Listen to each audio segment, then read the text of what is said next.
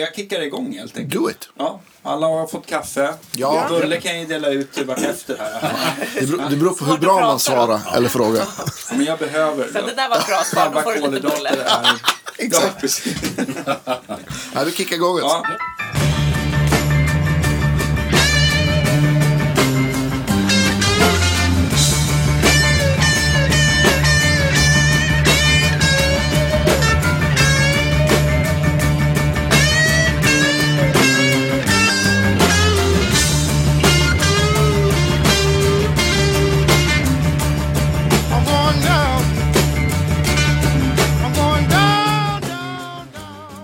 Välkomna till Guitar Geeks podcast mina damer och herrar. Vi har firat fem år som podd. Jajamän. En vecka, eller en podd i veckan i fem år. Det är ganska... Jajamän. Ja, skål för det. 1,2 miljoner nedladdningar. Ja, Ja. inte illa. Eh, eh, idag har vi den stora äran att ha Musikerförbundet och Sami här. Så välkomna hit. Då är det alltså Janne, och Ulrika och Johannes.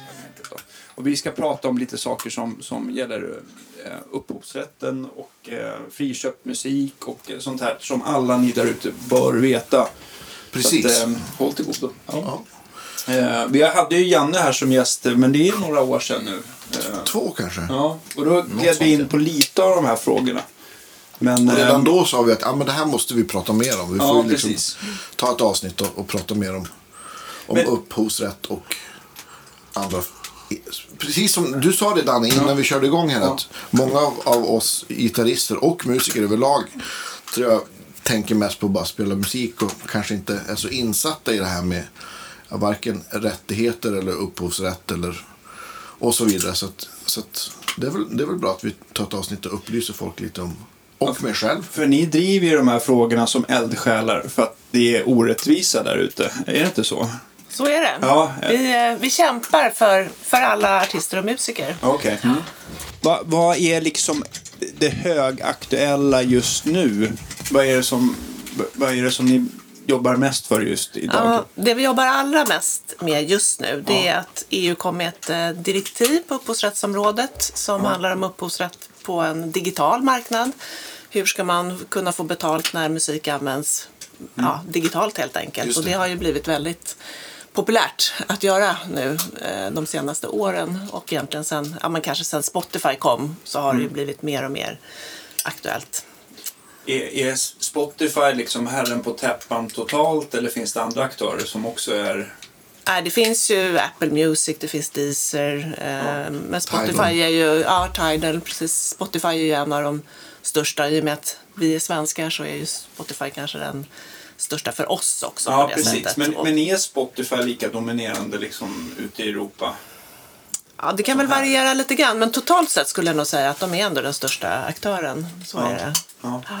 Men sen kan det variera lite grann i olika länder vilka som använder vilka typer av tjänster och så. För jag har fått för mig i alla fall just när det gäller Spotify att de här större artisterna eh, är ganska, de får bättre eh, ersättning per stream än mindre aktörer. Stämmer det eller är det bara någonting jag har fått för mig? Ska jag kliva in och säga någonting där? Vi förhandlar ju en del av de här avtalen med bolagen. Vi förhandlar ju inte direkt med Spotify utan vi förhandlar ju för artister och musikers räkning mot bolagen som i sin tur använder Spotify som distributionskanal. Okej, okej. Men eh, det stora problemet från början var ju att vi hade ju en, en, eh, en royalty på, på bruttointäkterna på den, i den gamla analoga världen med, med, med CD-skivor eh, och eh, även eh, LP-skivor i det gamla formatet. Se- Sen, sen har ju ersättningen eh, eh, ensidigt beslutats av, av bolagen att, att beräknas på, på netto och sen har man e- ett antal ytterligare mellanhänder här då som kan, finnas med, med, med marknadsföring och annat som, som gör, där man gör avdrag mot. Ehm, men, men, men eh, initialt så var ersättningarna väldigt låga. Nu har de ju visserligen blivit bättre men totalt sett så är det ju fortfarande väldigt, väldigt låga ersättningar som emanerar ut ur de här uh, streamingtjänsterna så att säga. Kan man säga någonting, alltså så här, dra ett snitt på hur låg ersättningen är per, per stream? Eller är det så att det beror på så himla mycket. Det är klart att de stora artisterna har, har eller större band, större artister. ehm, vi kallar ju artister även, även band för man har ett artistavtal, bara för Ja, att def- definiera det så. Men, men det är klart att, att, att du har en, en, en bättre förhandlingsmöjlighet eh, och kan få ut bättre eh, i ett sånt läge såklart än en liten ny artist eller ett nytt band. Då. Men, men eh, om man pratar om eh, ett spann på vad ska vi, mellan 12 och 15 000 kronor i ersättning eh, för en miljon eh, nedladdningar, eller lyssningar, förlåt. Så, så, så, så eh, är det ju fortfarande väldigt lite och det ska du betala Pratar du nu och så- bara, bara Steam-ersättning eller, eller för... Jag pratar om streamingersättningen som... Just det, stream, alltså per stream, inte Steam. Nej, inte Steam, det. Sami eller andra upphovsrättsliga ersättningar utan, utan bara det som emanerar från en digital plattform som typiskt sett Spotify. Då. Och, det, och det är klart att för en, en miljon, det blir en affärsmodell som, som gynnar stora bolag med stora kataloger för den enskilde artisten eller bandet så emanerar det ju ner väldigt låga intäkter totalt sett. Okej. Men bolagen går väldigt bra, har jag fått en känsla av just nu. Va? De har stora kataloger så det blir stora intäkter på, Ja, med, med, med Jag det. tänkte, jag Nej, tänkte, men jag tänkte på, du frågade lite grann om det är liksom olika ersättning per stream beroende på vilken artist du är. Så att dels som Janne sa, att det beror ju på vilken royalty du har. Men sen själva eh, ersättningen per stream eh, är ju inte olika beroende på vem du är. Men någon som, något som är väldigt viktigt att komma ihåg det är ju att eh, är du bakgrundsmusiker och har gjort en inspelning i studion, eh, då får du ju ingen ersättning mer än när inspelningen gjordes. Så att även om låten då har spelats en miljon gånger så får du inte något mer än nej, precis. den Utan det är bara ersättning du den fick som när du har spelade skrivit in. låten som egentligen, och bolaget som... som Nej, royaltyartisten får också. Så har du ett skivavtal, då får du ersättning. Ja, just det. eh, Till skillnad mot det. om en låt spelas på radio så får man ju då som musiker får man ju ersättning från Sami. Ja, men precis. Men, men för det här så man kan säga typiskt sett som studiomusiker, det man nu säger för att du blir inhyrd som musiker och får en engångsersättning för att du medverkar på ja, en, en, en en inspelning så, så får du ju en får du ju ingen ytterligare ersättning och det är det vi vill råda bot på. För det får du ju om du spelas i radio. Då får du ju samersättning. Just det, just det. Och har du skrivit eh, musiken dessutom själv så har du ju stimersättning givetvis. Hur, hur gäller det ersättningar från, från till exempel YouTube och sånt där? Är det... Är det Nej, där får du inte heller någonting. Nej. Och vad som är viktigt att komma ihåg det är att vi på Sami, vi samlar inte in ersättningen alls, varken för royaltyartister eller bakgrundsmusiker för streamad musik. Eh, därför att lagstiftningen är som så att du, eh, de rättigheterna ska du avtala om själv. Och när du gör det, när du spelar in din låt, så blir det normalt sett så att skivbolaget tar över rättigheterna. Även om du kanske inte alltid är medveten om det, men det har etablerats en sån praxis.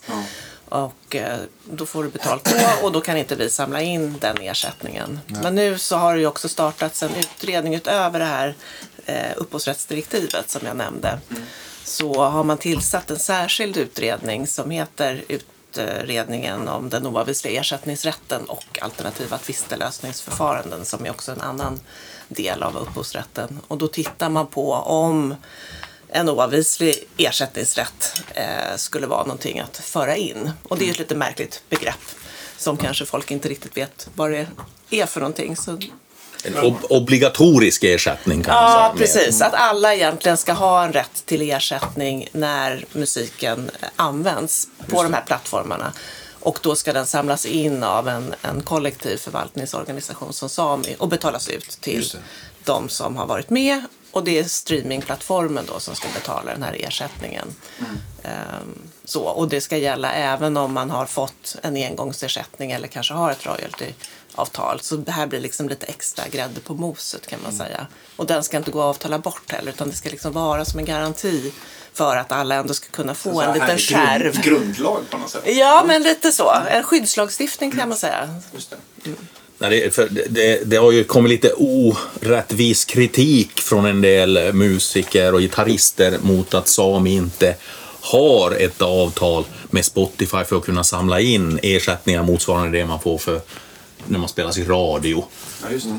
Och eh, det är inte så att Sami inte vill göra det, utan det finns ingen lagstiftning som eh, ger den rätten att göra det. Just det. Och det är ju det vi vill ändra på. Ja, och för, skull, och för- att vi skulle kunna göra det, i så fall måste man ha kvar sina rättigheter. Så att om alla hade kvar de där rättigheterna och inte hade överlåtit dem till skivbolaget, då skulle vi i och för sig kunna göra det. Men nu ser inte verkligheten ut så, därför att förhandlingsbalansen eh, balansen mellan en musiker och artist och ett skivbolag är ofta så pass ojämn så att du kan liksom inte eh, hävda dina rättigheter och du kanske inte ens känner till dem riktigt. Så då, Därför ska man ta hjälp av musikerförbunden när man förhandlar avtal så att man får någon som är professionell som kan vägleda. en Men, men som, som kompositör får man väl ersättning från ja, i alla fall YouTube för, för musik, eller hur?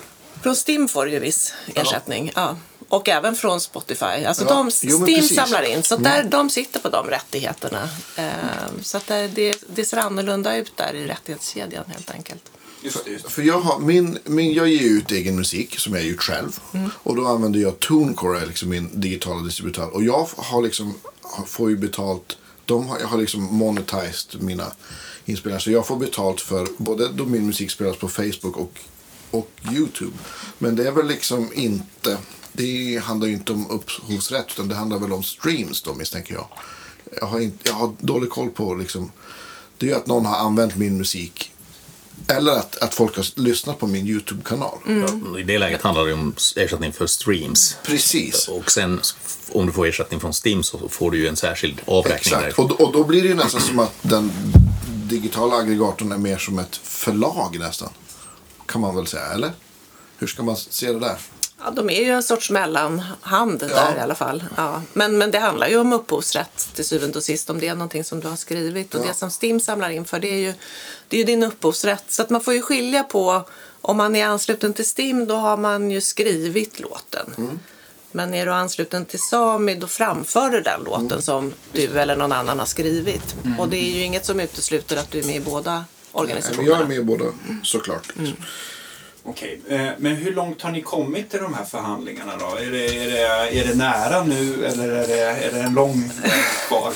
Ja, det är, det är nog en, en bit kvar. Alltså den här utredningen just om den här rätten, den tillsattes i maj i år. Ja. Men vi har ju drivit frågan i typ 15 år kanske. Ja, jag har hållit på i 15 år. Ja. Eh, så, men utredningen ska vara klar i maj nästa år, 2022. Och då, då har man ju liksom ett första förslag kan man säga. Och sen kommer det vara remissrundor och sådär så att folk får tycka till. Men vi kan väl säga någonting, det är ju inte så att, att eh, det här kommer från himlen som jag brukar säga, utan det här är ju föranlett av en hård facklig kamp på Europanivå och, och från Collecting Societies som har samordnats Ja. och hjälpt till för att driva mot politiken i Bryssel om man nu säger så. Då. Men det måste ju vara så här i hela, hela världen, tänker jag, såklart. Ja, det är ju inget svenskt liksom, Nej. påfund. Men sen finns det ju goda exempel i Europa också. Så att vi har ju det spanska sällskapet som är samisk motsvarighet. Mm. AIE heter de. Och de samlar in den här ersättningen redan. Så där finns den här rätten. Så att där tycker vi att vi ändå har ett gott Mm. exempel på att det är någonting som fungerar. Så det är ingenting som liksom skulle vara lagstridigt Nej. att föra in det heller i, Men i hur, hur delar de ut pengarna då? Är det då hur mycket det har spelats eller är det liksom ett schablonbelopp? Eller? Eh, nej, men de, de har, jag- jag har inte de exakt hur, hur det fungerar, men de har ju avtal med, med de här olika streamingplattformarna och har, jag tror att det är en procentandel av deras eh, intäkter som de då tar betalt. Och sen så får de rapportering på det som har spelats Mm. och då kan de fördela det utefter de rättighetshavare som är med på låtarna. Jag tror man måste förtydliga en sak. Det här är en utredning som pågår fram till i vår. Den ska som Ulrika sa remissbehandlas vilket betyder att man skickar ut den till alla olika typer av organisationer. Vilken privatperson som helst kan få läsa och skriva jag tycker det här och lämna in till regeringen. Ja, okej. Sen är det regeringens fråga att ta fram en proposition som kommer hamna i riksdagen. Eller att tycka äh, det här var ingen bra idé, den lägger vi i papperskorgen. Så det kan lika gärna bara hamna i papperskorgen efter i vår också. Om man inte liksom driver på i frågan. Hur, hur har, eh, hur har eh, intresset varit från eh, regeringen eller riksdagen? Så här? Ja, initialt har ju svenska politiker haft ett väldigt ljummet intresse för det här, men det, det har ju på, på EU-nivå beslutats och eh, nu är man ju, har det kommit ett direktiv och man är ju tvungen att eh, införa, just- den oavvisliga ersättningsrätten, den behöver man inte införa, det är en nationell eh, fråga så att säga. Men, men det finns många andra delar i, i, i det här direktivet som man måste införa. Det handlar om lämplig och proportionerlig ersättning som man har rätt till. Eh, och vad det betyder, det får väl en domstol till syvende och sist någonstans avgöra. Och det finns andra delar, man har rätt att säga upp oskäliga avtal, man har rätt att förhandla om oskäliga avtal också. Eh, och det finns andra delar i det här eh, där där plattformar av en viss storlek är tvungna att, att ha licensierad musik eh, som man liksom tillhandahåller. Det går inte bara att tala om att det är någon som har laddat upp. Utan Youtube blir ju en sån aktör till exempel som måste se till att man har, har licenserna eller rättigheterna klarerade. Eh, annars måste man, finns det möjlighet så att säga, för dig som rättighetshavare att tala om att de måste plocka ner, plocka bort materialet om man nu vill det. Så det finns ett antal, det är ett paket av olika eh, delar här nu och, och, och det här oavsliga ersättningsrätten var en del som, som, som har mejslats ut för att hanteras sär- särskilt då. Ja. Och sen finns det den här, som också ska sägas, den här uh, tvistelösningsmekanismen för idag. Om du ska tvista mot ett eh, stort bolag, eh, de flesta är globala bolag idag, eh, så är det ju väldigt svårt, så att säga rent ekonomiskt att ta, eller riskfyllt att ta en sån match. Eh, och det kan bli så att säga dyrt naturligtvis. Men här, här är ju någonting som eh, jag har eftersträvat och, och vi har jobbat med på Musikförbundet och andra organisationer under många år. Är ju att det ska finnas en, en alternativ tvistlösningsmekanism. Det vill säga det ska inte vara så dyrt, det ska vara enkelt att få, få en fråga eh, testad om man har rätt eller fel. För nu kan du uppenbarligen se att ett bolag inte har gjort rätt. De har inte, avräkningarna stämmer inte eller det finns andra. Man har brutit mot avtalet men så ska du, så ska du tvista mot det. Det kan bli väldigt besvärligt så att säga. och framförallt kostsamt. Så att, äh, det är ett mycket intressant paket. Man ska säga att det är ett historiskt ögonblick Mm. som kommer här. Det, det, det, det, det, måste man säga, det kommer att ta säkert 20 år innan nästa varv av något sånt här kommer. Och hur nära är det nu? När det här när det kommer beslutats? Är det i år eller i början på nästa år som, Ja, nu hop- allting kommer knytas ihop? Ja, nu har det ju kommit instruktioner från... Eh, man har ju väntat på justitiedepartementet för att få instruktioner för hur det här ska implementeras. Och nu har ju de kommit. Så nu, nu var det en dragning som vi var med på här precis i, i förra veckan om, om, om hur de tänker jobba framåt med det hela. Så, så att det här är i stora delar saker man måste implementera i svensk lag. Okej. Eh, alltså för att harmonisera med övriga EU. Så tanken med, med det här EU-direktivet som vi nu har fått förslag på, då har vi en remissrunda till 13 december och sen kommer det där då behandlas vidare och sen ska det införas i svensk lag från 1 juli tror jag det är 2022. Och då är vi egentligen redan försenade ett år i Sverige. Okej. Så att vi har redan fått EU-kommissionen på oss att ajabaja liksom, varför, varför är det inte klart redan? Men, man bara tillägga, men även där så är det ju så att regeringen får in remissvaren, de ska behandla, de ska ta fram ett förslag till lag som måste gå igenom riksdagen. Det kommer vara jättesvårt att hinna med till, till juli 2022, bara det. Ja. Därför att processen i riksdagen är så lång. Just det. Och så kommer det ett val i höst. Ja. Så att det, det är Det här måste utmaning ändå gå före valet, tänker jag. Nej, men jag fattar, men känns det inte också som, när ni tittar och jämför med era kollegor i andra delar av Europa, att, det, att eh, den svenska modellen är ganska, eller är den väldigt seg och tidskrävande? Eller varför går det så mycket fortare på andra ställen? Liksom? Ja, jag skulle nog säga i och för sig att det inte har gått så mycket fortare. Alltså det här direktivet är ju för alla EU-länder Ja. och eh, det är många som inte är färdiga ännu. Så det är många som är försenade så vi är inte ensamma där. Så. Eh, sen är det väl vi i och för sig ensamma om att ha brutit ut just den här oavvisliga ersättningsrätten i en särskild utredning. Okej. Och eh, det, det känns ju... Eh, vi, vi hoppas att vi ska vara positiva till det men det blir ju, beror ju mycket på resultatet. Så att det inte är någonting som man har gjort bara för att vi ska vara nöjda och tysta och sen stoppa det i malpåse. Utan det, det krävs ju att det blir ett gott resultat. Okej. Annars måste alla gitarrister här i podden protestera. Ja.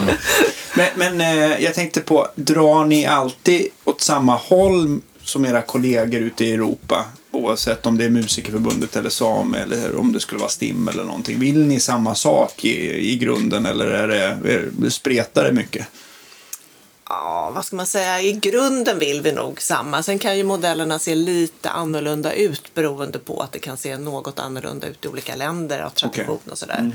Men eh, EU-rätten här, den, den strävar ju mot en harmonisering, alltså en likartad lagstiftning i alla länder. Så Okej. att det är ju det man försöker åstadkomma. Men sen kanske man inte alltid når hela vägen fram. Nu är det ju hur det här ska baxas in i befintlig lagstiftning i de delarna som är obligatoriska. Det, man kommer ju inte att skriva om hela liksom, upphovsrättslagen utan det ska ju liksom harmoniseras ner och all lagstiftning ser lite olika ut i olika länder och då kommer man ju liksom att baxa in det på olika sätt om man säger så. Men att slutresultatet ska vara så lika som möjligt, det vill säga det eh, direktivet här nu Eh, eftersträvar och det man, intentionen av att reglera, det, det, det, det måste man ju så att säga uppfylla. Men sen din andra fråga här tycker jag var intressant. Alltså, det är ju så att vi, vi har ju lite det är ju olika beroende på musikförbundet och Sami, om man kallar fackförbund och collecting societies. Eh, det, det, det, det finns ju, i grunden vad vi vill det är ju att stärka eh, musiker, gitarrister, upp, alltså rättighetshavares ställning. Sen är det ju liksom metoderna för det kan ju variera olika och hur man prioriterar och hur man vill göra. Eh, vissa har ett synsätt på att man vill göra på liksom på ett sätt. I Frankrike till exempel, där är de väldigt krigiska, det har väl alla förstått. Där parkerar man traktorerna på gatorna och ja, ni vet allt, allt det där. Så de- har mycket mer liksom, eh, vad ska man kalla Mycket det? mer uppror, så. Ja, mycket mer upprorisk stämning medan vi kanske i, Norden har mer förhandlande Vi sätter en liten att post-it-lapp på. sådär, va? Eh, Knyter näven i fickan. Ja, precis. Ja, och det, och det handlar ju om att man kan mobilisera. Det är klart att kan vi mobilisera nu alla eh, som lyssnar på det här och komma till riksdagen, alla gitarrister som hör det här kommer till riksdagshuset när vi, när vi kallar till det, då kommer det att hända grejer om vi får dit ett par tusen personer. Ja, men. Ja. Nej, men sen kan man ju säga när det gäller uh, upphovsrättssällskapen, som i Sverige så är vi på Sami, då är vi ett utövarsällskap, alltså de som framför musiken. Men våra nordiska kollegor, där är de det som man kallar för joint society. Alltså att Okej. man är producenter och utövare i samma sällskap. Och det kan ju ibland vara lite problematiskt när man ska driva frågor därför att man har lite motstående intressen Ja, också, inte så, inte så, nu är du snäll, inte så lite Jag är så heller. diplomatisk, Ja, nej, men så är det, ju. vi har ju totalt naturligtvis motsatt världsbild där, där bolagen tycker att de, de naturligtvis har, är rättvisa och fördelar rimliga ersättningar och, och de menar vi behöver ingen oavvislig ersättningsrätt för det kan man förhandla medan vi tycker att när det, fungerar inte det, i praktiken, även om man kan förhandla så är det så svårt att, att få till en, en, en rimlig fördelning av de intäkterna, ersättningar som genereras så att det blir inte rätt. Och det är klart, sitter du då och styr en organisation som motsvarande Sami i andra länder där båda, eh, det vill säga utövande musikerna och skivbolagen sitter vid samma styrelsebord så det, det, då går det ju liksom inte Herregud, att... vi bara känner hur du- ohållbart det låter. Du kan bara enas om det minsta i det läget och allt du, det, allt du inte är överens om så får du lägga någon på, åt sidan. Men i Sverige behöver vi inte göra det. Nej. Här kan vi Nej, men där, däremot så har vi ju idag fungerande insamling tillsammans med skivbolagens organisation också, IFPI.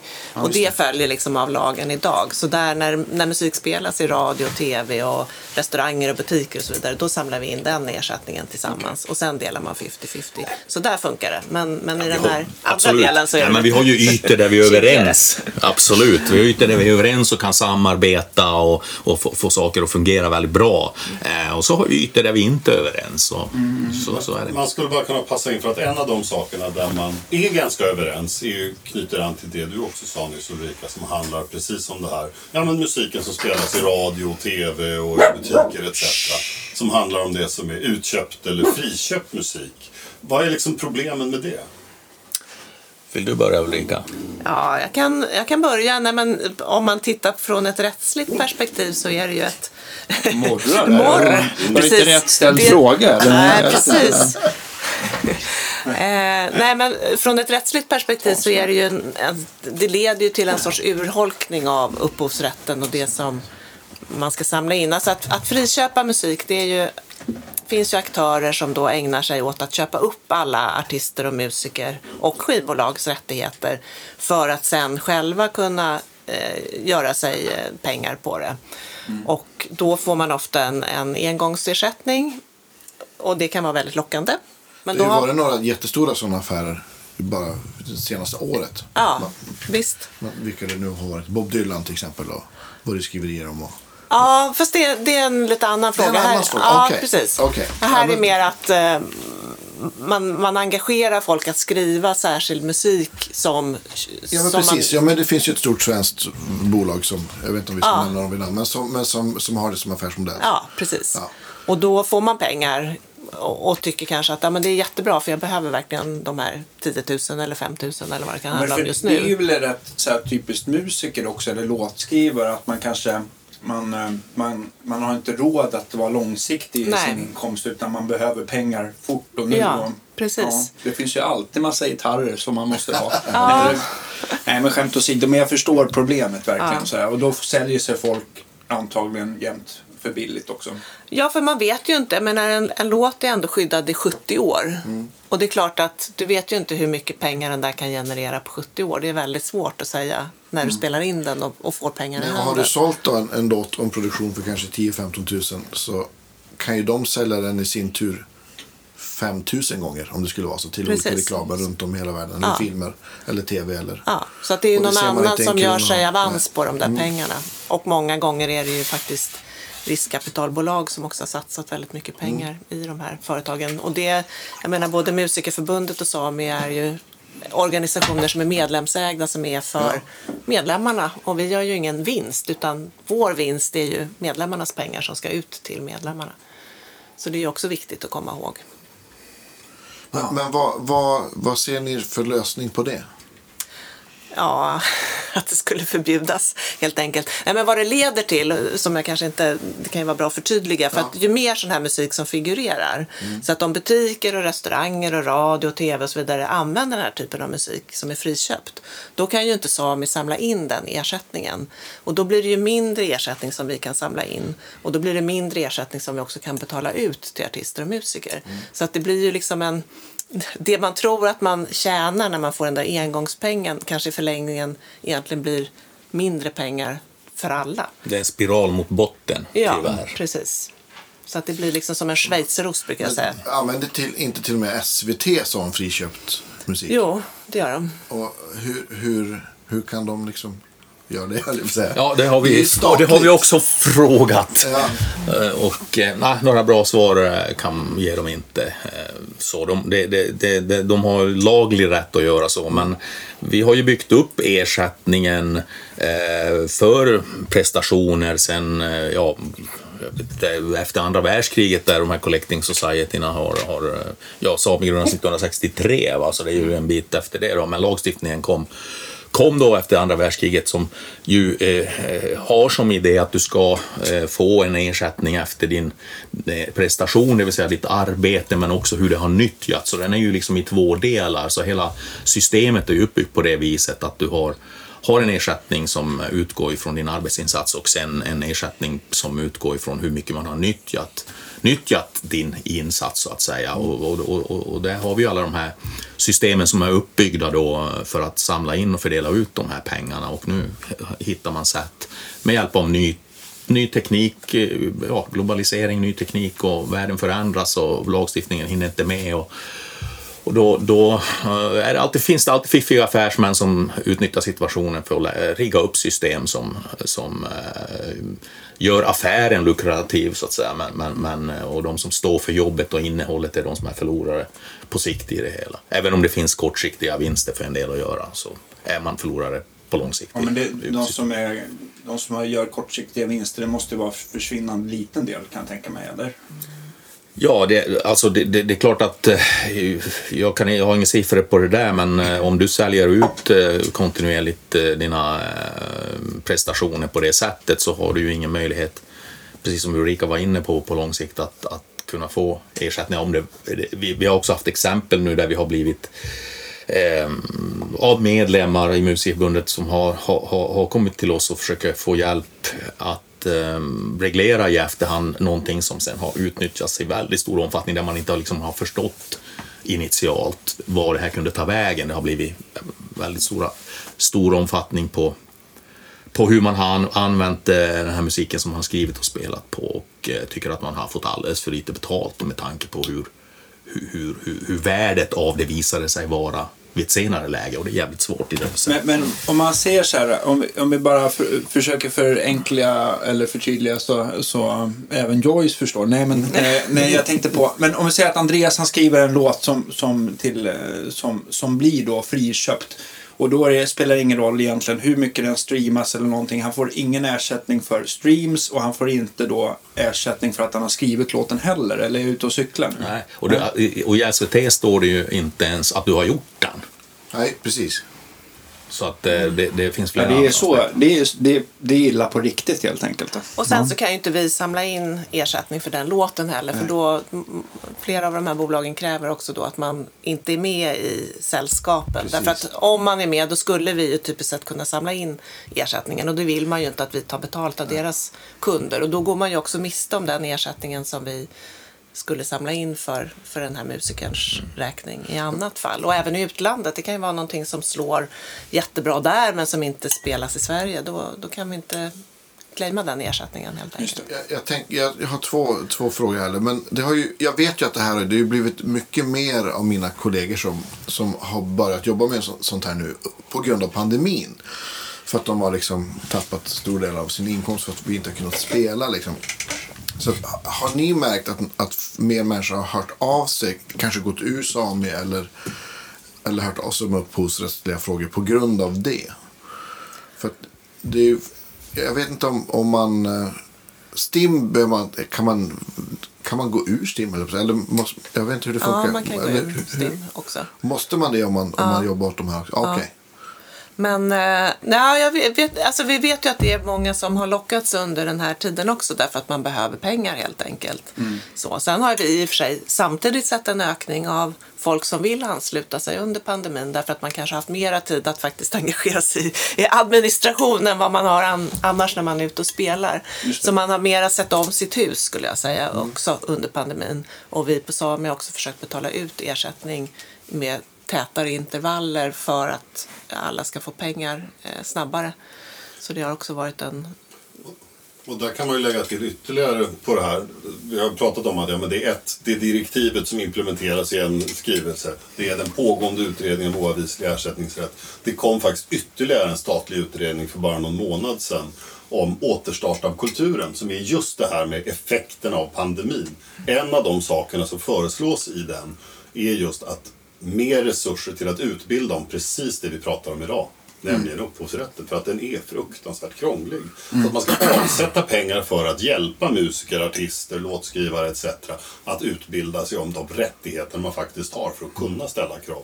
Så det ligger också det ligger i den som då en tredje utredning. Det borde ingå i, alltså om man går på en musiker eller producent eller låtskrivarlinje på ja, men, gymnasie, högskola eller folkhögskolenivå borde ingå tycker jag. Faktiskt. Ja, det är ju alldeles för lite av det idag. Vi är ju ute och pratar också på skolor och sådär. Men det, det är klart att det tar ju tid och resurser även från vår verksamhet som kanske skulle kunna läggas på Men annat. är det inte liksom också att man lägger saker på minnet från föreläsningar eller vad man nu läser för någonting? Att, att eh, det man är intresserad av för stunden. För det här kan ju vara liksom, det här kan ju vara folk som inte liksom, ja men det här med att skriva låtar, det, kommer jag, det kanske händer sen framöver och då har man glömt bort allt igen. Så jag Visst. fattar att det, det är, det är Det är en komplicerad materia att hålla på med. Det är ju Ja. inte. Liksom, och och det är ju så att ett konstnärskap eh, som att spela gitarr eller något annat instrument, det kräver ju väldigt mycket eh, fokus av dig och liksom eh, att, att man ägnar sig åt det som ett eh, hantverksmässigt eh, jobb som är högst kvalitet. Alltså det, det, det, för att göra det med hög kvalitet, det kräver ju väldigt mycket. Och, och, det, och det är klart att sen ska du hålla reda på alla andra saker också. Men vi ska väl säga att det finns ju, det finns ju trots allt stöd och hjälp att få. Det finns eh, eh, Musikerförbundet och så har du Sami. Det finns liksom personer där som kan vägleda, ge råd och hjälpa till i förhandlingar och förklara hur saker hänger ihop. Så att man är liksom inte ensam så på det sättet. Sen är de här eh, pengarna väldigt bra. Jag tror det var fem miljoner. Det var inte så jävla mycket som Jag man avsatte. vad hon föreslog. Men, men ändå, det är, ju en, oh, det, är, det, är, ett banbrytande grepp som man ändå har liksom kommit till insikt vid att politiken har förstått att det här är ett problem. Det är en, det är ett, en, en, en reaktion på det. Sen, sen tycker jag det, det, det här med, med, jag vill ändå säga något som, som jag tycker är väldigt intressant och det är ju under pandemin då i mars 2020 när alla spelningar ställdes in i princip över en natt, inte riktigt men nästan, så har inte varit någon spelning till var 28 och 29 september Va? Ja, men. Nå- någonting sånt. Och, och, men under den perioden så har Musikerförbundet, Musikerförbundet förhandlat fler avtal än någonsin tidigare. Det Det, det, vill säga eh, som handlar om inspelningar och, och, och eh, upphovsrättsliga avtal. Så att eh, det har inte givetvis varit några avtal som handlar om, om, om gager förutom ja, tvister eller, eller omförhandlingar av, av spelningar som har flyttats fram. Men, men, eh, så det innebär ju, precis som du, var inne på här, att, att eh, man har jobbat, eh, när man inte har kunnat vara ute och spela så har man jobbat med inspelningar och man har haft ett, det har ökat behovet av, av också att reglera de här inspelningarna och rättigheter i avtal. Så det, det, det är den enda slutsats jag kan dra i alla fall. Jag tänker på sån här friköpt musik. Det, det, det bästa vore väl om man kunde komma liksom överens så att alla parter blir nöjda. Det, det går ju förmodligen inte. För alla, alla vill liksom 100% åt sitt. Men jag, jag, har, jag, vet, jag vet ju att det finns, eh, jag har en, en gitarrkollega som har gjort någon sån liksom, vad ska man säga, eh, bakgrundsmusik höll jag på att säga till. Och han har jobbat åt ett skivbolag. Och där har han fått en slant, en mindre slant än från eh, den här jätten som vi har pratat om. Men, och så delar de 50-50 både på upphovsrätt och streams och om det säljs vidare. Och det tycker jag känns som en sundare modell på något sätt. Då blir det ju mer som, som ett... Eh, eh, ja, men jag vet inte, det, det känns som en mer fair deal. Du får en slant för att göra hantverket. Och om det, om det säljs eller spelas mycket så blir det mer pengar. Absolut, och det, det, är ju, det där är ju en modell som vi menar fungerar och det, då avgränsar man ju det vi säger nyttjandet Ja. till, i ett avtal till en viss del, det man ska använda det till. Det vill säga de ska använda det i ett visst sammanhang, det kan vara att göra reklam eller film eller vad, vad det nu än är för någonting, eller i tv-program. Så har man avgränsat det till just det nyttjandet som vi säger. Sen har du kvar rättigheterna i övrigt själv. Det är inte det här andra vi Precis. pratar om, friköp musik, det är någon slags total utköp. Eh, och det är någonting annat. Så att eh, det där är en väldigt stor skillnad på det hela. Jag menar, förlag har ju alltid jobbat med att placera ut musik i olika sammanhang. Men vad vi vill göra som rättighetshavare, det är ju att reglera hur man får använda det hela. Hur länge, vilka territorier och till vad. Och så är man överens om det. Och så har du ju så att säga, i det fallet är det inget totalt utköp, utköp utan det är en slags licensiering. Ja, men precis. Och ett, ett, om, man då, om man då skulle kunna lagstadga att man inte får sälja ut 100% av sin musik. Då vore det ju liksom klart. Eller? Då skulle det ju kunna bli en mer modell där, där, där ja, men, bolaget kan sälja din musik men du har liksom fortfarande kvar säg 50% av dina rättigheter och till ersättning både för säg streams eller intäkter för reklam eller vad det nu ens kan tänkas användas till.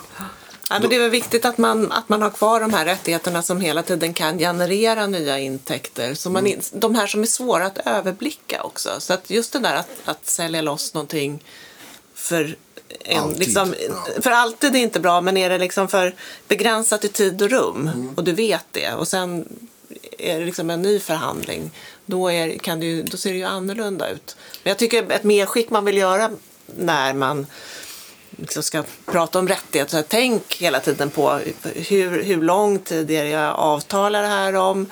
Vad får jag betalt? Kan jag förhandla om? Ehm, så att man, och, och har jag förstått avtalet? Alltså, och har jag inte förstått vad det står? Fråga någon.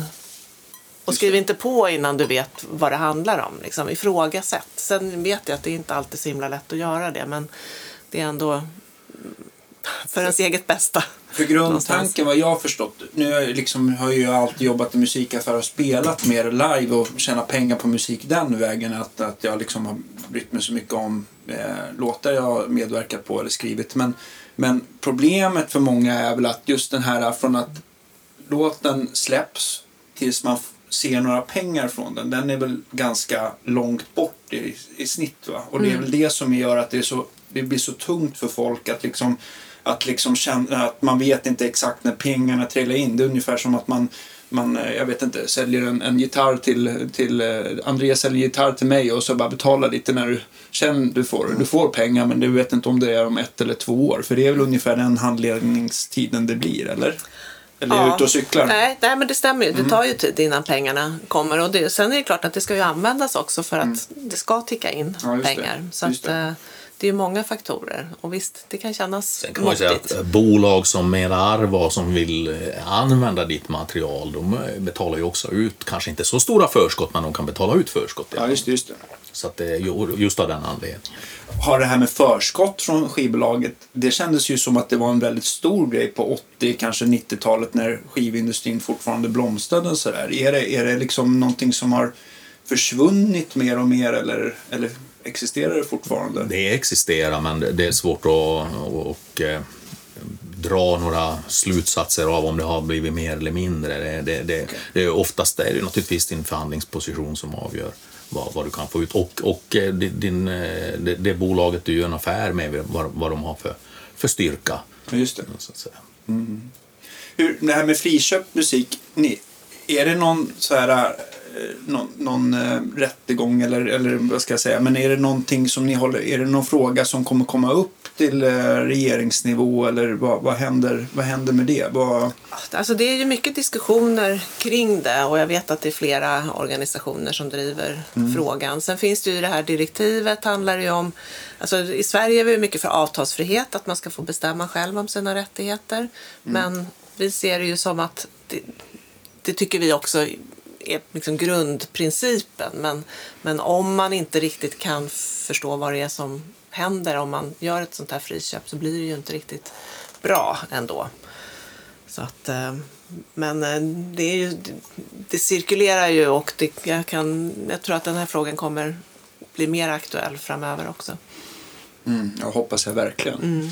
Hur, ehm, jag hade någonting på eh, just med fasiken, nu kommer jag av mig som vanligt. Men jag, jag, jag, jag, Janne, har du hört av sig folk, jag tänker så nu då vi faktiskt har börjat spela igen, mm, att eh, med gager och så, om gagerna har liksom dumpats, eller jag har själv inte råkat ut för det, tack och lov, men jag har kollegor som jag vet har råkat ut, ut för det. Jag vet att till exempel Ja, men Silja Line har sänkt gagerna ganska mycket. Och, men de har också sänkt lönen för hela sin personal. Har de liksom varit tydliga med. Så att, för att de har haft det tufft. Hur, hur ser det ut? Vi, vi har fått eh, musiker som hör av sig och just bevittnar det att de har utsatts för press att gå ner i, i, i sina gager. Och, eh, det har väl funnits en oro från då arrangörens sida att, att eh, nu när det startade upp primärt att man inte vet om kommer publiken tillbaka, har publiken ändrat sitt beteende så att säga under pandemin så att man inte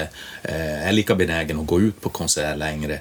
Eh, och så skyfflar man över, försöker man skyffla över risken på, på um, musikerna på det sättet. Då. Men, men det finns också de som har bevittnat precis eh, det du säger att, att i- de märker ingen skillnad. Vi har också eh, medlemmar som eh, fått massor med jobb på en gång, bara som ketchupflask-effekten om man säger så. Det bara rasslar in arbeten utan att man har gått in och försökt att och, och, och sänka gagerna. Så det, det, där är, det där är nog lite olika, men, men det, det finns båda scenarierna med på kartan. Eh, men jag tänkte på, för Sverige som... Eh, musikexporten i Sverige har väl varit liksom eh, över tid ganska stor. Jag vet inte hur det ser ut idag men när det gick i alla fall som bäst så har det väl ändå varit typ topp tre i världen. Ja, så är det nog fortfarande. Det är nog så fortfarande, okej. Eh, men det är ju också rätt konstigt att regeringen ändå har så svalt intresse för att det är väl ändå man vill väl, om det är en industri som går ändå relativt bra så borde man väl ändå försöka underlätta att folk vill fortsätta jobba med det. Eller? Jag, jag tror man tycker den delen är nog bra om man delar ut export, musikexportpris och man tycker att svenska flaggan och Sverige-bilden i världen sätts. Men, men, men just det här med att stärka rättigheterna för utövande musikerna, det, det där har varit politiskt känsligt och jag, jag vet inte om det, ibland spekulerar jag själv i att det där har en, en bakgrund i att vi har haft eh, ja, Piratpartiet och eh, Pirate Bay, andra typer av såna här eh, ja, copy-left-rörelser som... som eh, Tycker att det ska, allt ska vara gratis. Allt, allt ska vara fritt, allt ska vara gratis och det finns någon slags, jag vet inte om det är det som är men det känns som att det finns ett visst inbyggt motstånd i det där. Och sen har vi ett politiskt läge också i Sverige som är instabilt och det förbättrar inte heller situationen, eh, tror jag. Så att eh, det är nog många aspekter i det hela, men eh, politiken i, man fr- från samma politiska partier som har varit måttligt intresserade ska jag säga, i Sverige. Det är inte så att de har avvisat det helt, vissa har gjort det, men andra har varit måttligt intresserade. Så har de på EU-nivå tyckt att det här var viktigt, att stärka utövarnas ställning. Så, så att det här går också tvärs igenom partierna. Johannes är nog mer insatt exakt vem som tycker vad i det här, men lite Nej, men, ja, men det du är inne på är precis så som det är. Det är väldigt mycket av en hjärtefråga. Vissa personer som sätter sig in i upphovsrätten tenderar att tycka att ja, men modellen med Sami och STIM och den typen av liksom, insamling är väldigt, väldigt bra. Eh, sen är det väldigt lätt att vara just den där lite mer populistiska när det ska vara öppet och fritt och det är väl bara att hitta nya affärsmodeller så löser sig allting. Som är rätt historielös i grunden när man inte liksom har koll på det. Och det är därför det skär igenom alla partier. Sen finns det den här EU-direktivet som då är på väg. Det finns väldigt mycket bra delar i det. Eh, dels den här med något som kallas för transparensfrågor. Man ska faktiskt ha rätt att se hur, hur används musiken och vad är det för pengar man tjänar på musiken. Det är ju jätteviktigt om man ska kunna, i det som är andra delen som Janne sa, omförhandla. Men återigen, det är väldigt komplex materia. Det är bara nästan de som sätter sig ordentligt in i det som förstår varför den är viktig. Och eh, tyvärr med ett politiskt läge så blir det väldigt mycket av eh, eh, ja, men det blir lite lätt slagord och det blir lite lätta lösningar och sen kommer man inte vidare. Och då riskerar det att slå tillbaks. Därför att man orkar inte eller kan inte ta hela diskussionen. Jag tror också, sen är ju Sverige väldigt stolta över, alltså vi är ju ett land där det har kommit mycket innovationer med techbolag. Vi är tidiga med mycket. Så man är ju superstolt över att, jag menar, att vi har Spotify och eh, Klarna och allt möjligt sånt som, som är lite nytt här och som man månar om. Liksom, så att det blir från den andra änden lite grann. Ja. Eh, Så man är, man är nog rädd för att eh, Stöta sig stöta med- sig. Mm. Ja, precis. Och det är ju en balans naturligtvis. Så. Och då måste man vara tydlig med Spotify hade inte haft samma framgång om man inte hade fått tidiga avtal med till exempel Stim. För det var en väldigt viktig del i att Ja. man kunde börja uppvisa en katalog. Ja. Det Och har sen är ju- såklart problem i USA. Ja, och det är ju fantastiska tjänster så att det ska vi ju inte liksom sticka under stol med så. Utan det Jag, tror jag jag, att de jag, flesta kan bara tycker. erkänna själv. Jag skulle säga att um, eh, 98 procent av mitt musiklyssnande sker via, via eh, Spotify. Mm. Jag, har, jag väldigt sällan jag sätter på vare sig LP eller CD. Nej. Nej, och därför är det också viktigt att lagstiftningen hänger med, tänker jag. För att från början så när Sami kom till, då spelade musiker live i radion och sen så kom eh, skivan, grammofonskivan och man började spela inspelad musik i radion och då ville man kompensera musikerna som blev av med sina arbetstillfällen. Nu är det liksom en ny era. Nu är det nya typer av tjänster, nu är det streaming som gäller och då behöver man ha någon sorts kompensation igen. Och då är den här oavvisliga ersättningsrätten som vi har pratat om ett sätt att kanske råda bot på det. Det här EU-direktivet som har kommit. Mm. Är det någonting som ni tycker så här, att de har missat helt eller är, alltså, som inte är bra med helt enkelt? Eller är allting eh, Nej, men alltså jag, jag tycker att det finns, det finns ju tyvärr ganska många möjligheter till att göra undantag i eh, reglerna. Som den här transparensfrågan som Johannes pratade om, som förslaget ser ut nu. Nu har inte jag hunnit studera i detalj, men då kan man göra undantag så att om du är typiskt sett en musiker, vi säger att någon som spelar gitarr då på en låt, då kanske du har en mindre del i det här verket totalt sett. Och då har du inte samma rätt till transparens utan då behöver man inte eh, ge dig samma rapportering som finns enligt grundprincipen. som om du hade varit eh, den som är huvudartisten till exempel. Okej, på- och varför vill, man, varför vill man ha det så? Liksom? Ja, men det är väl för att man tycker, från andra sidan då så tycker man att det blir administrativt betungande att rapportera kring allt till alla. Och då gör man den möjligheten till undantag. Så att eh, det är ju liksom, vi kan ju se att det blir, det blir ganska många som faller utanför systemet som kanske inte kommer kunna tillgodogöra sig reglerna som det var tänkt från början. Men man tänker ju så många av de här, eh, alltså, jag tänker på programmen som finns som kan räkna ut ett och annat. Det borde väl inte bli så administrativt tungt om allting bara kunde, om man bara gör en modell som kan allting sker automatiskt. Nej, man tycker ju inte det. Eller? Det är, väl- det, är väl, som- det är väl vårt huvudargument. Ja, men jag tycker att det känns lite grann så här som att, att, eh, att eh, de, de, eh, man får lite den här höna av en fjäder. Det Eh, finns att, ett- de tycker att problemet är mycket större administrativt än vad det egentligen borde vara. Eller- Sen har ju vi administrationen, tänker jag, liksom om man tittar på alla som är med på inspelningarna. Vi vet ju vilka det är, så det finns ju också ett sätt kanske att kunna hjälpas åt på det sättet. Det. Och sen beror det ju på i vilken detalj man ska ha informationen också. Men många skulle vara betjänta av att få i alla fall lite övergripande info, tänker jag, för att förstå ja, men hur, hur mycket har den här inspelningen som jag varit med på genererat i intäkter för skivbolaget. Just det. Och var de där pengarna som jag fick när jag spelade in, var det verkligen skäligt betalt? Eller borde jag ha mer mot bakgrund av att det här kanske blivit en världssuccé? Just Det, det är ju grunden för att kunna förhandla eller omförhandla eller förhandla nästa gång eller, ja, eller säga upp avtal eller vad, vad det är. Det är ju att man har en, en, en inblick i vad det, vad det har genererat och på vilket sätt. Alltså varifrån har pengarna kommit, hur mycket och hur har det använts. Annars är det ju väldigt svårt att eh, jag menar när jag var aktiv så man, gick, eh, man hörde alla klaga, jag får, jag får för lite. Ja men eh, hur vet man det? Man kanske fick det man skulle ha eller så fick man för lite. Det är klart att det, det är en utgångspunkt när jag vet att jag har fått för lite för jag har en, en inblick i pengaströmmarna. Just det. Det, det, sätter ju hela situationen i ett helt, helt nytt läge där du kan liksom förhandla utifrån en sån utgångspunkt. Hur, hur, hur skil, skil, eller rättare sagt, skiljer det sig mellan om man då tar ja, men Deezer, Tidal, Apple Music, Spotify. Är det samma slant för upphovsrätts liksom, eller skiljer det sig mellan de olika? Betalning per stream. Ja, eh, eller precis, betalning per stream. Liksom. det, det är lite olika. Ja. Det beror, väl, Alltså, ut- utifrån upphovsrätts... Liksom, det beror väl mycket på hur mycket pengar de själva har fått in liksom, i tjänsten. Okej. Så att det bygger väl på de intäkterna som de själva har. Och sen räknas det ut en stream ut efter det. Så, just det. Ehm, så att det, det kan ju se lite, lite olika ut och kanske lite baserat på avtal också då. Jo, Men nej, ehm, precis jag har inte inblicken riktigt i Nej men så är det för när vi eh, på, på utövarsidan, när vi gitarrister eller musiker klagar att vi får för lite betalt eh, till bolagen, när vi har ju sådana diskussioner och de, de ytor där vi träffas och, och förhandlar och diskuterar den typen av frågor. Eh, så så, så, så för, för ju så att säga bolagen fram argumentet av att när vi, när vi tjänar mer pengar då kommer er del att bli större. Det är ju liksom deras huvudargument, så att säga.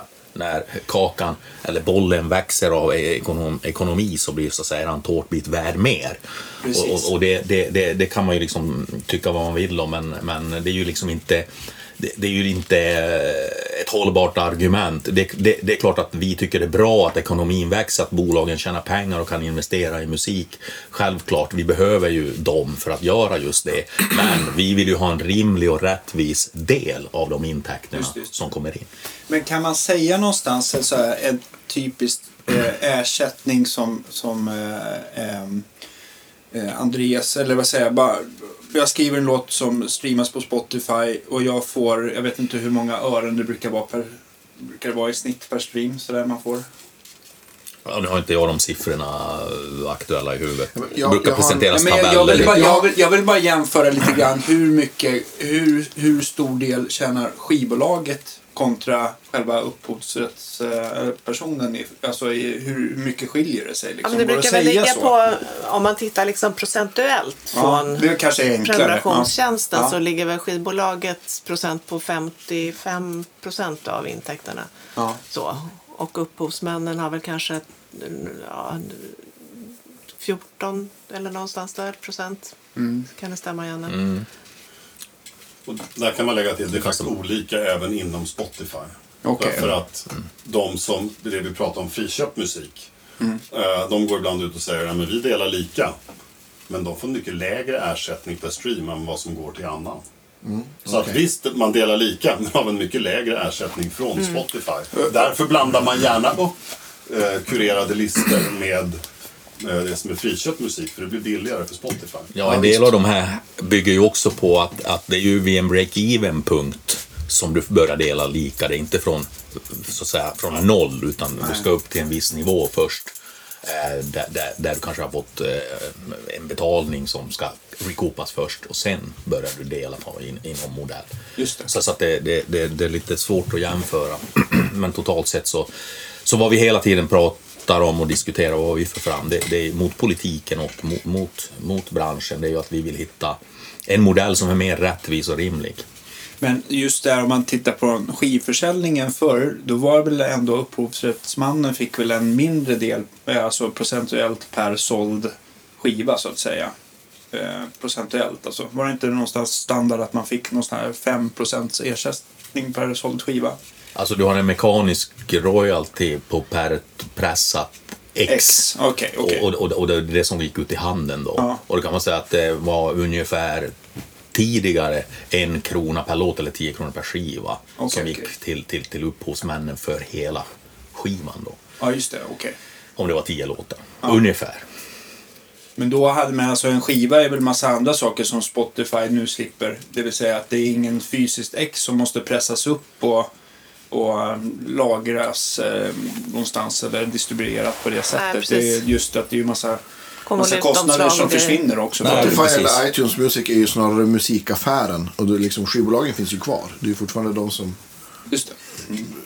i vissa fall då betalar för produktionen av musiken. Liksom. Men jag har en, eh, en god vän som gör väldigt framgångsrik barnmusik. Och han sa liksom, med, om man tar Stim och det de tjänar på streams så ungefär en miljon, eh, ungefär 50 000. Säger han liksom. Och, och han borde ha koll för de streamas brutalt mycket. Så att, Just det. Men det kom också då ersättningar från STIM i den klubben. exakt, precis. Det, är- det, är- det är Stim och liksom ersättning för streams. Liksom. Så ungefär så här, på ett ungefär sa han. Och det, ja. Ja, och då äger han rättigheterna själv. Han, har, Ja. ing- han har ingen mellanhand Nej, däremellan. ingen utan- mellanhand. nej. Men med friköpt musik då kanske samma person för, har sålt den här låten för en 10-15 tusen och sen så ser han inte några kommande intäkter alls. Nej, Så- precis. Nej, man, har, man, man, man, har, man har liksom gett bort det, man har avhänt sig det kan man säga. Man har ingen kontroll över det överhuvudtaget längre. Mm. Det är som om du har ja, sålt en bil till någon som kör iväg med den och du kommer aldrig mer se den. Just det. Ja, är- är- för att jag, du hade ju så himla många fina punkter Johannes så jag, är- minnet är teflon just nu efter den annat. Men jag tänkte på vad vi, vi har ju, du har ju flera intressanta Nej, men jag, sen, jag tycker ni har täckt ganska mycket av det vi pratade om initialt. Den stora frågan är liksom, ja, men, lite grann vad händer härnäst och vad gör både Sami och Musikerförbundet kommande år och vad kan de som lyssnar, precis som Janne var inne på, kanske dyka upp i riksdagen eller vad kan man göra därutöver? Ja. Så att Ulrika, vad händer härnäst nu i närmaste processer? Vi har varit inne på dem, liksom, bara sammanfatta. Ja, men äh, det allra närmsta, det är ju, dels så sitter jag ju med i den här expertutredningen för eh, oavvisliga ersättningsrätten. Så att vi har ju regelbundna möten. Nästa möte är i, i eh, slutet på november där vi kan, ska beskriva den här modellen, hur vi ser att det här ska fungera i Sverige. Men sen har vi också då upphovsrättsdirektivet där vi eh, har fått det här förslaget från eh, justitiedepartementet och där vi nu ska svara på vad vi tycker om de, eh, ja, det förslag som har kommit och det är 13 december som det ska in. Så det är ju det vi jobbar med. Och, eh, sen har ju vi väldigt mycket kontakt med de andra upphovsrättsorganisationerna eh, i Sverige och även i andra europeiska länder och, och jämför och hjälps åt och försöker liksom, eh, ja, stötta varandra i de här olika frågorna. För många vill ju åt samma håll, även om det finns vissa skillnader också. eh, Men i bästa fall så kan det här liksom bli resultat om ett par år i praktiken när det har liksom gått igenom alla processer i regering och riksdag etc. Precis, att man ser de facto vad som Ja. kommer bli resultatet. Och det kräver ganska mycket påverkansarbete för att Mm. hålla frågan aktuell och påminna våra politiker om vikten av det. Så det, Ja. det är en väldigt viktig del i det kommande arbetet. För att annars är frågan lite för liten för att bli en stor valfråga. Utan man behöver liksom peta på, på Mm. den hela tiden. Och politiker vill ju många gånger liksom höra stories från musikerna själva också. Det märker ju vi. Alltså det är ju en sak att jag och Janne kommer och pratar och vi kan ju återberätta men, men att höra direkt från källan är ju alltid bra. Och sen på Sami så skickar vi ju ibland ut liksom, frågeformulär och undersökningar för att vi ska kunna få in svar som vi sen kan presentera för politiker. Så det är ju jättebra om man försöker vara delaktig och hjälper till och svarar på frågor och, och sådär. Och om man har någon story att ja, men det här var jag med om, då får man ju höra av sig till oss så vi kan förmedla det vidare. Eh, så.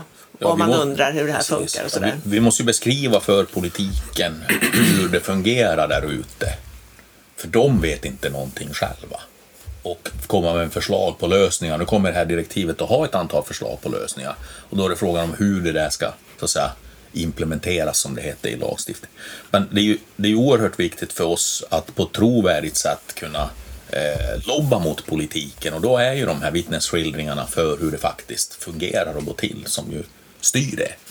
Så att eh, den hjälpen behöver vi från alla de som lyssnar. Gå in på våra hemsidor, gå in på Facebook, skriv där eller liksom, gör det till känna och säg att jag vill dela med mig av mina erfarenheter. Så tar vi tacksamt emot det. Jag funderar på också om, om den här ljumna intresset från politiker också beror på grann, lite grann att de har faktiskt ingen aning om vad det här är för någonting. Alltså det är så långt ifrån deras vardags, eller det de beslutar om till vardags så att de tycker att det bara de får lite så här ångest över att de inte har någon koll alls Ja. eller orkar inte sätta sig in i det. Kan det vara en anledning också tror ni? Eller? Fast jag tycker ändå de politiker som jag har träffat, de blir väldigt tacksamma att få det här förklarat för sig också. Ja, okej. Mm. Så. Sen tycker de ju att det är svårt eftersom de ska balansera mot olika intressen. Så att jag tror att det snarare är där som problemet ligger. Att det är många som trycker på från olika håll. Just det, just det. Men just det här bara att sätta musikerna på kartan och, och vad verkligheten innebär för många. För det, man vet inte det som politiker heller. Nej, man just det. förstår inte riktigt det. Så därför är det ju vårt uppdrag att ändå Göra det så förklara. och- enkelt och, för dem ja, sätt. precis. Ja. Man måste ju förenkla ganska mycket. Ja, det, och det är inte så att vi, vi har några små motparter. Som uppvaktar politiken vare sig i Bryssel eller i Sverige. De, de har ju liksom resurser. Vilken är eran antimateria? Liksom? Alltså det, det, det, det, så att det, och de beskriver ju en annan verklighet. Svensk musikexports framgångar. Vi behöver, ja, allt, alltså det finns ju en annan sida och det är klart det är deras uppdrag att göra så det kan man ju inte säga något om. Men vi försöker ju balansera upp bilden genom att säga att det, be, det, det behövs liksom göras eh, eh, förstärkningar för, för utövande musikernas, eh, ja, alla, alla kulturarbetare för den delens eh, positioner så, så att man har en bättre balans på makten, för det är egentligen det det handlar om. Eh, det blir en, o, en väldigt stor obalans och du blir väldigt svag och utsatt som, som ensam eh, kulturarbetare eller musiker, gitarrist mot stora bolag. Och det är liksom det som är eh, kärnan i problematiken. Och det är ju det också po- politiken i, i, Europa har uppmärksammat och man har gjort det här nu.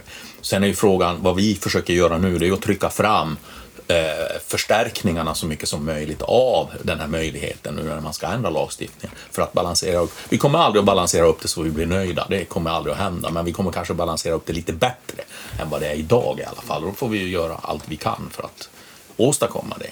Så det är ju det arbetet som kommer att ske nu. För att liksom, eh, vi har en unik möjlighet eh, just nu. Det är ett fönster som är öppet här nu och eh, det kommer inte, som jag sa innan, inträffa säkert på 20 år om ens då.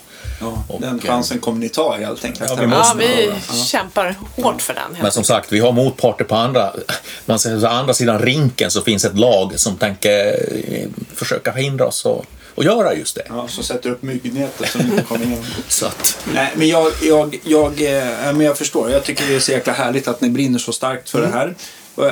En annan sak som jag skulle vilja veta. Jag tror att det är många, inklusive jag själv, som skulle vilja veta om man, om man inte är ansluten till SAM eller Musikerförbundet. Om man liksom, eh, kan ni berätta, om man nu vill göra det. Jag säger att jag inte är med. Hur går det till och vad, vad, eh, vad tjänar jag, eller vad är den stora... Den Ja. stora vinsten, Den alltså stora att vinsten, gå med ja. i Sami, Ja. det är ju väldigt enkelt. Det, det som, de kriterier vi har, det är egentligen att du ska ha varit med på en inspelning någon gång. ja, ja men det, Ja. det är det minsta Ja. problemet. fall. Det kostar ingenting att gå med i Sami, utan det finns, man kan ansluta sig direkt på, på webben, på vår hemsida, sami.se. För jag är så här osäker. Det var så länge sedan jag tror att jag höll på med det så att jag är osäker om jag anslöt mig eller inte. Ja. Ja.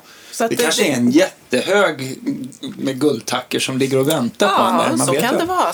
Så. Nej, men, men skämt åsido, men det är så enkelt helt Ja, enkelt. det är så enkelt. Mm. Och tycker man att det av någon anledning ändå verkar svårt så har vi ju en medlemsserviceavdelning som man kan kontakta. Det känns ju nästan som att det är lika svårt att kontakta den. Ja, som precis. Gör, ja. Ja, men det är väldigt enkelt och det kostar som sagt ingenting. Och det är ingen annan som samlar in den där ersättningen åt dig. Så det är liksom eh, att gå med i Sami är bara finns tio år där. eh, Ja, på- precis. Har du varit med på en... På en alltså, vi, vi, eh, lite knepigt om en preskription sådär, om det är ersättning som vi har samlat in. För vi samlar ju in för även de som inte är med än så länge.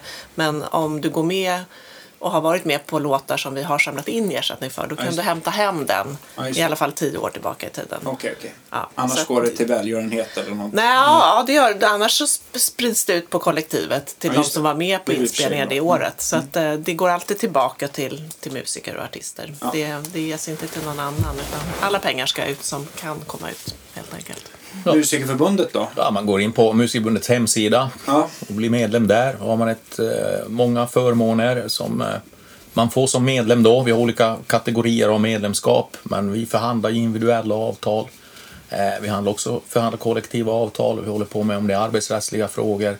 Du får ju all den här servicen då. Just just. Och, och eh, hamnar du eh, i tvister så kan det vara så att vi plockar upp tvisterna. Har vi förhandlat avtal för det, då plockar vi i princip alltid upp tvisten. Och till och med driver dem i domstol för din räkning. Ja. Och, Som ni alltid vinner såklart. vi, vi, vi har vunnit nästan alla, inte riktigt alla, men nästan alla faktiskt. Ja, ja. Så jag måste ge vår personal en oerhört stor cred för det.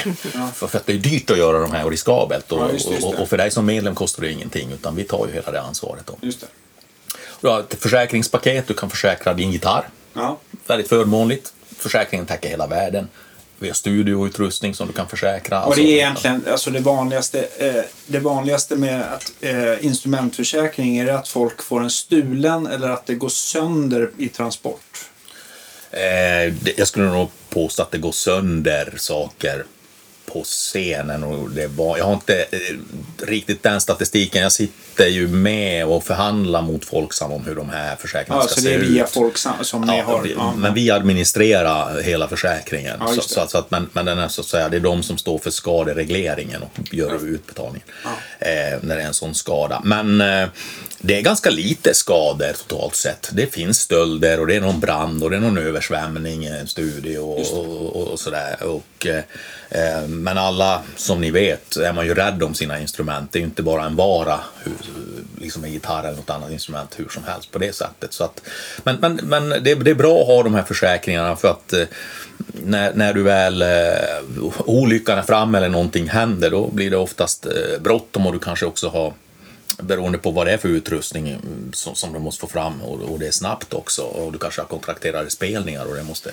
Men om man, hyras in. men om man säger att man har en gitarr eh, som är värderad eh, till 10 000 spänn och vill få den försäkrad via er. Sådär, vad, vad är det liksom för avgift? Går det att säga så? Eh, Det är- snabbt, enkelt. En procent av försäkringsvärdet Okej. Mm. Per år? Eller per år. Ja. Per år. Det lät ju överkomligt tycker jag. Ja, absolut. Nej, vi har ju försäkrat, det finns de som har försäkrat fiol för en miljon. Så, att, så det finns, det finns hela, hela kategorin eh, och det är klart att gitarrer 10 000, 20 000, det finns olika. Ja, just. Just. Eh, Naturligtvis och, och, och, och annan utrustning också för den delen. Alltså du kan ha hela backlinen försäkrad. Precis, men hur brukar det också se ut om man får gi- gitarren stulen som var värd 10 000 och man har betalat det? Hur mycket? Det brukar väl att man får ut åtminstone 80 procent av beloppet i bästa fall, eller? Nej, du, har du försäkrat den för 10 000 får du ut 10 000. Okej, ja. Jag trodde att det var någon hake med det hela så att inte folk kunde utnyttja Det, systemet. kan, ja, det, det, kan, det finns en liten självrisk där. Ja, ja, just med det, 500 såklart. kronor eller 1000. Jag kommer inte Ja. ihåg det, men Ja. det finns en liten självrisk med där. Ja, okej. Ja. Är det något, är det något annat som, eh, som eh, Nej, vi inte har jag tänker glömt? på på rak arm sådär. Vi kommer, vi har säkert, mm, kommer säkert ha er tillbaka här i soffan någon gång. Ja, eh, Sista frågan. Har, eh, har ni kvar eran eh, a-kassa nu på Musikerförbundet? Eller hur har folk gjort nu under pandemin när de liksom inte har fått alltså, ersättningarna sådär?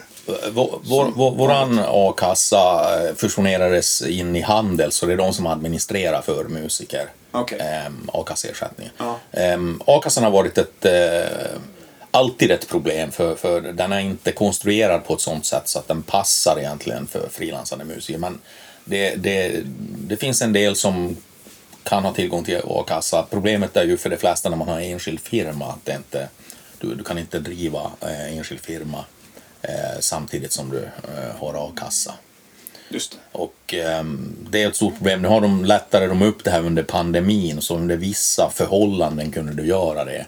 Eh, just under pandemin alltså. Men, men det har varit ändå mycket trassel med det där för att du har inte du har inte kunnat haft lov att söka jobb samtidigt som du har då a-kassa. Och du har bara kunnat ta jobb från, jag, jag har sluppit Ja. det men, men eh, jag har många kollegor som inte har gjort det. Och du har inte kunnat jobba för nya aktörer. Så att du kunnat få ta jobb från, du skulle kunna jobba åt mig för att vi har jobbat ihop. Men du får inte jobba med Janne för Janne har aldrig hyrt dig som Okej. gitarrist förut. Du får inte, du har inte som, det här undantaget som nu eh, har funnits eh, och eh, jag vet inte, nu ska vi se vilket datum det löper ut. Eh, men, men under pandemiperioden här i alla fall så har du inte kunnat få vara närvarande i sociala nätverk. Du får inte liksom marknadsföra, du får inte synas, du får får inte ha någon hemsida uppe, den här typen av, av saker som är helt horribla naturligtvis. Och det här har vi diskuterat med, med kulturdepartementet och ja, politikerna och tjänstemännen där och, och förklarat för dem. Men det är ju så att de går inte in och ändrar de har ändrat i delar till det vi har eh, varit på dem om, men inte fullt ut så vi har blivit nöjda. Det har funnits problem kvar. Okej. Men Ja. på väg åt rätt håll kanske. Ja, Den här pandemin kanske i alla fall har lyft upp det här problemet till ytan. Kan jag tänka mig. absolut. Det har visat sårbarheten på kulturområdet. Hur Ja men herregud vad folk alltså, vilken, vilken osäker bransch vi ändå eh, huserar i på något sätt. Och just det här med streamingen, att eh, det har ju också blivit väldigt påtagligt att man inte får något betalt där överlag. Så nu när, när man inte haft några livekonserter så har ju mycket flyttats över också till... Då ska man leva på streaming. Ja, precis. Ja, och det blir lite tufft om man, särskilt om man är engångsavlöst en gång i tiden och inte får något mer. Så då är det sameersättningen som man får hoppas på. Precis. Just det. Eh, Men ja, jag hoppas i alla fall att ni orkar driva vidare alla dessa viktiga Ja, eh, frågor. Eh, Jag tänker bara på om det är någonting jag brukar ju alltid ställa sådana här massa frågor i slutet av, eh, av programmet. Men det känns ju så här, eh, det är helt, eh, eftersom ni är så annorlunda typ av gäst så, det, med, så står det lite, står det lite, tänka lite annorlunda. Men en fråga som jag faktiskt kommer ihåg eh, från i morse som jag funderar på jag skulle ställa till till exempel Janne istället så här, eh, som ändå kan vara lite gitarrrelaterat. Det var att eh, kan du lista dina tre favoritgitarrister och varför? Det här är svårt. Mina tre favoritgitarrister och varför? Ja... ehm, jag får väl eh, ta fram... Jag tror Eddie Van Halen får jag ta fram som en av dem. Och... Eh, nej, jag tycker hans... Dels hans eh, sound och hans eh, sätt att... Eh, s- alltså hans timing och när han spelar så, så med, med ett sånt flyt. Och naturligtvis så hade han en, eh, också en, en annan... Eh, ja, han blandade med tvåhandsteknik. Eh, ehm, så att... Eh, ja, jag tycker hans sätt att frasera på och spela så lekfullt. Enkelt lekfullt och med, med ett jävla flyt. Så han, han får vi nog lyfta fram som en av dem. Bra val tycker jag. Ja. Och sen tycker jag väl eh, Tony Iommi får jag väl också lyfta fram som ehm, riffens mästare som har väldigt fiffiga riff. Ja, just det. Just det. Så, så att ehm, det Eh, han, han tycker jag. Sen får jag ta en tredje, så tar jag också någon i de här, av de här eh, hårdrocksgitarristerna. Då får jag säga George Lynch. Med en... Också, Det är en som får ganska lite cred tycker jag. För jag följer honom på Instagram och han spelar ju fortfarande fruktansvärt bra. Nej, men det, jag tänkte just att jag ska ta någon som inte är så här av absolut de mest kända som en liten, Mm. li, liten underdog med. Nej, men han har, han, han har ett vä- vä- väldigt, eh, lite, i, lite, man ska inte säga bakvänt, men lite, väldigt annorlunda sätt att frasera på. Som ändå funkar. Men, men alltså, det, det blir jävligt fräckt, för han får ju till det. Ja. Jag tycker det, det är så här... äh, Han är så otroligt te- tekniskt äh, duktig men ändå så är det lite yvigt på något härligt sätt. precis. Eh, Precis. om man vill lyssna mer på George Lynch så ska man väl, det är väl Lynch, Mob och Docken jag tänker på. Är det något annat som man... Mm. Nej, det är inget annat. Det är väl det som jag också tänker på. Ja. Så Någon att, eh, favoritplatta med han som du kan ändå rekommendera? För Van Halen är ju ganska, det, det vet ju alla. Men eh, Ja, jag, jag är inte så jag kan mejsla fram någon direkt favoritplatta på det sättet, men, men ehm, ja, de här, eh, han har gjort det jättebra på alla de här inspelningarna. Han har varit med på både Docken och på sitt eget band Mob Lynch. just det. tycker jag väldigt kul. får kolla in helt enkelt. Absolut. Rika, har du tre gitarrister också? Som... Nej, jag kan nog knappt eh, lista tre gitarrister. Jag är nog fel, fel person att fråga men, men, ha, men har du någon mu- musikaliskt, alltså så mm, i, liksom i bakgrund sådär att du Mm. trillar in på det här yrket ändå? Nå, alltså det enda... Jag hade en pappa som spelade väldigt mycket. Han, Ja. han spelade flygel alltid hemma. Ja. Och sen ville han spela lite klarinett och lite gitarr spelade Ja. han. Fast sådär mer på hobbynivå då. Okej, okej. Eh, sen har alla mina barn i alla fall gått på Adolf Fredriks musikklasser. Jaså, ja. Ja, så att, eh, och sonen då, han, han har faktiskt köpt en, en elgitarr. Ja. Så att det väl så långt. Så nu ska jag köpa ett uh, upphängningsfäste. Ja, precis. Ja, vi så, hittar så ett långt här vi kommer ute. här. Precis. Ja. Det är bra. bra. Och jag gillar att sjunga och sådär och har själv spelat lite piano. men ehm, tyvärr inte gitarr. Jag är lite sugen på att lära mig att spela munspel faktiskt. Det tycker jag. Det är så här litet och behändigt kan man ta med sig. Så. Mm. Men jag gillar musik. Ja, Mm. det är bra. Johannes, du, håller du med till fullo Janne här? Det är väldigt, väldigt bra. Men jag måste ju bli mer äh, det som fick mig att spela. Och då är det tre strata-spelare. Det är Richard Blackmore. För att det bara låter så fruktansvärt bra allt. Ja. Äh, och ljudet från de tidiga plattorna är helt oslagbart. Eller Made in Japan med mera. Och då landar man också i Yngve naturligtvis. Som Ja. jag tillbringade alla tonår med att försöka härma. Ja. När jag, liksom du Danne, hängde i musikaffärer och jobbade på gamla förstärkardoktorn. Ja. Och sen så är det nog B.B. King Ja. som. Som inte är en strataspelare i och för sig. Men, Nej, men, men ju, så- det, så. finns faktiskt, det finns faktiskt eh, gamla bilder när han är, är, är jättetjusig fluga, skjorta, eh, kostym, eh, kortbrallor och spelade på en strata. Mm. Mycket snyggt faktiskt. Eh, och mycket bra val även där. Eh, jag, eh, jag eh, tycker ju någonstans att eh, framförallt, eh, eller Yngve har ju, och, men just nu att man upptäckt Van Halen på senare tid sen han eh, tyvärr gick bort då, då så man fick lyssna in sig lite. Jag, det- de är ju grymma bägge två. Oh ja.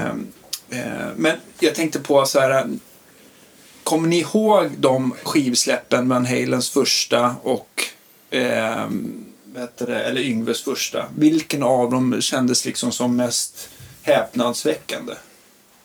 Kan man säga så?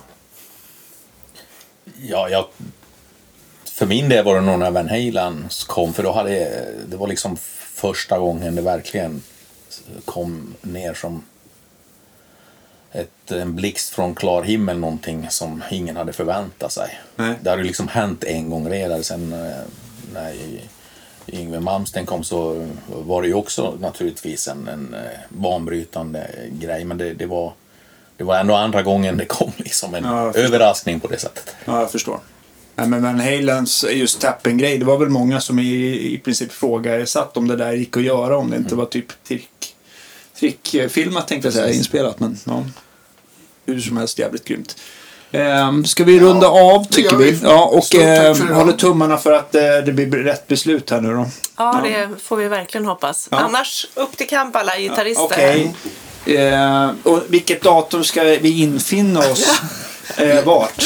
Ja, precis. Nej, vi får väl... ehm, Vi får återkomma i den Återkomma under delen. våren där någon gång. Ja, Men- får vi se. Men vi får göra ett sk- medskick också att eh, gå in och titta på alla webbinarier som vi har i olika ämnen. Eh, som handlar om den här typen av frågor, andra frågor också. Var finner vi Eh, dem? På er läsa. hemsida? Man fin, finner dem på vå- våran hem. Vi annonserar ju ut dem på vår Facebook-sida. Då. Ja, ja, okej. Mm. Så man går in där, gillar den och så får man, då ser man ju när de kommer. Vi brukar ha eh, kontinuerligt webbinarier i olika teman och de, de är väldigt populära. Ibland har vi med musiker. Janne Schaffer var med sist. Just det. Och på med, annars har vi med alltså, där, där vi just håller på med olika materiella frågor. Det här kan vara en sån, det kan vara andra också. Just det. Tack för idag. Stort tack för att ni kom. tack. Ja, kul att vara Ja. med. Tack. Vi hörs Tack nästa vecka. hörni. Ja, absolut. Ja. Ha det så bra. Hej då.